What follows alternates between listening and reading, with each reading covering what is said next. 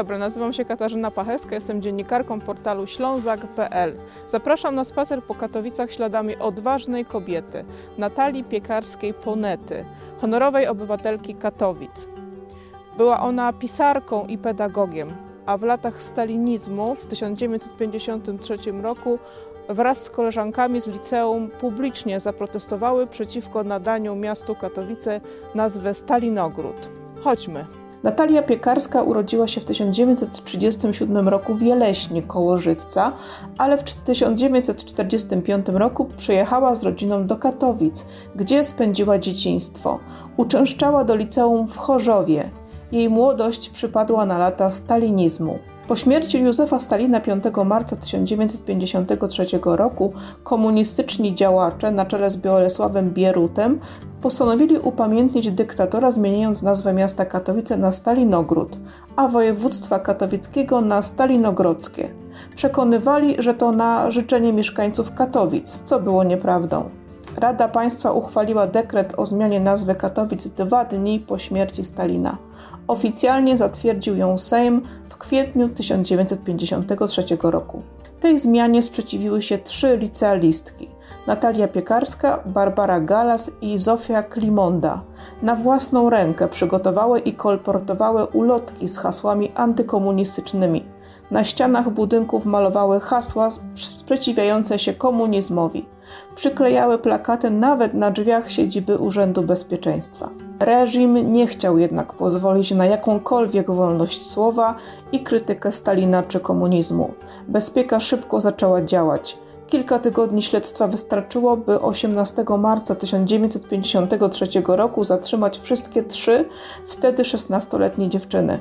Funkcjonariusze milicji, nie zważając na młody wiek zatrzymanych, potraktowali je wyjątkowo brutalnie.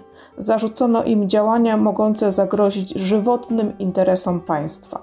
Osadzono ją m.in. w areszcie śledczym przy ulicy Mikołowskiej.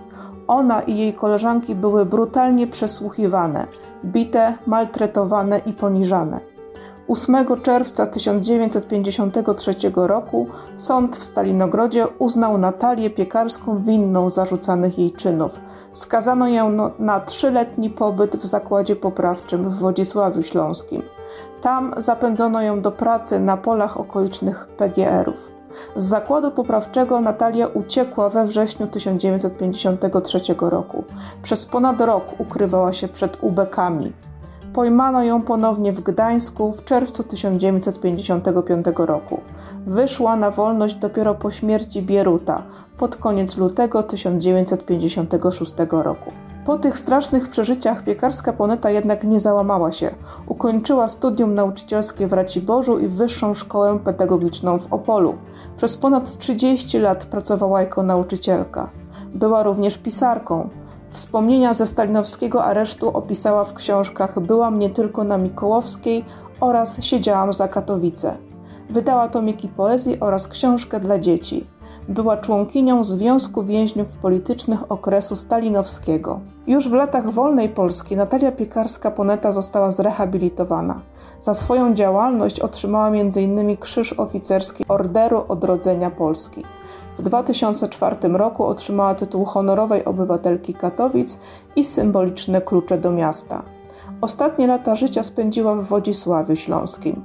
Zmarła 18 października 2013 roku. Katowice uhonorowały tę odważną kobietę, nadając również jej imię skwerowi w dzielnicy Murcki, położonemu przy zespole szkół nr 2 imienia Jarosława Iwaszkiewicza.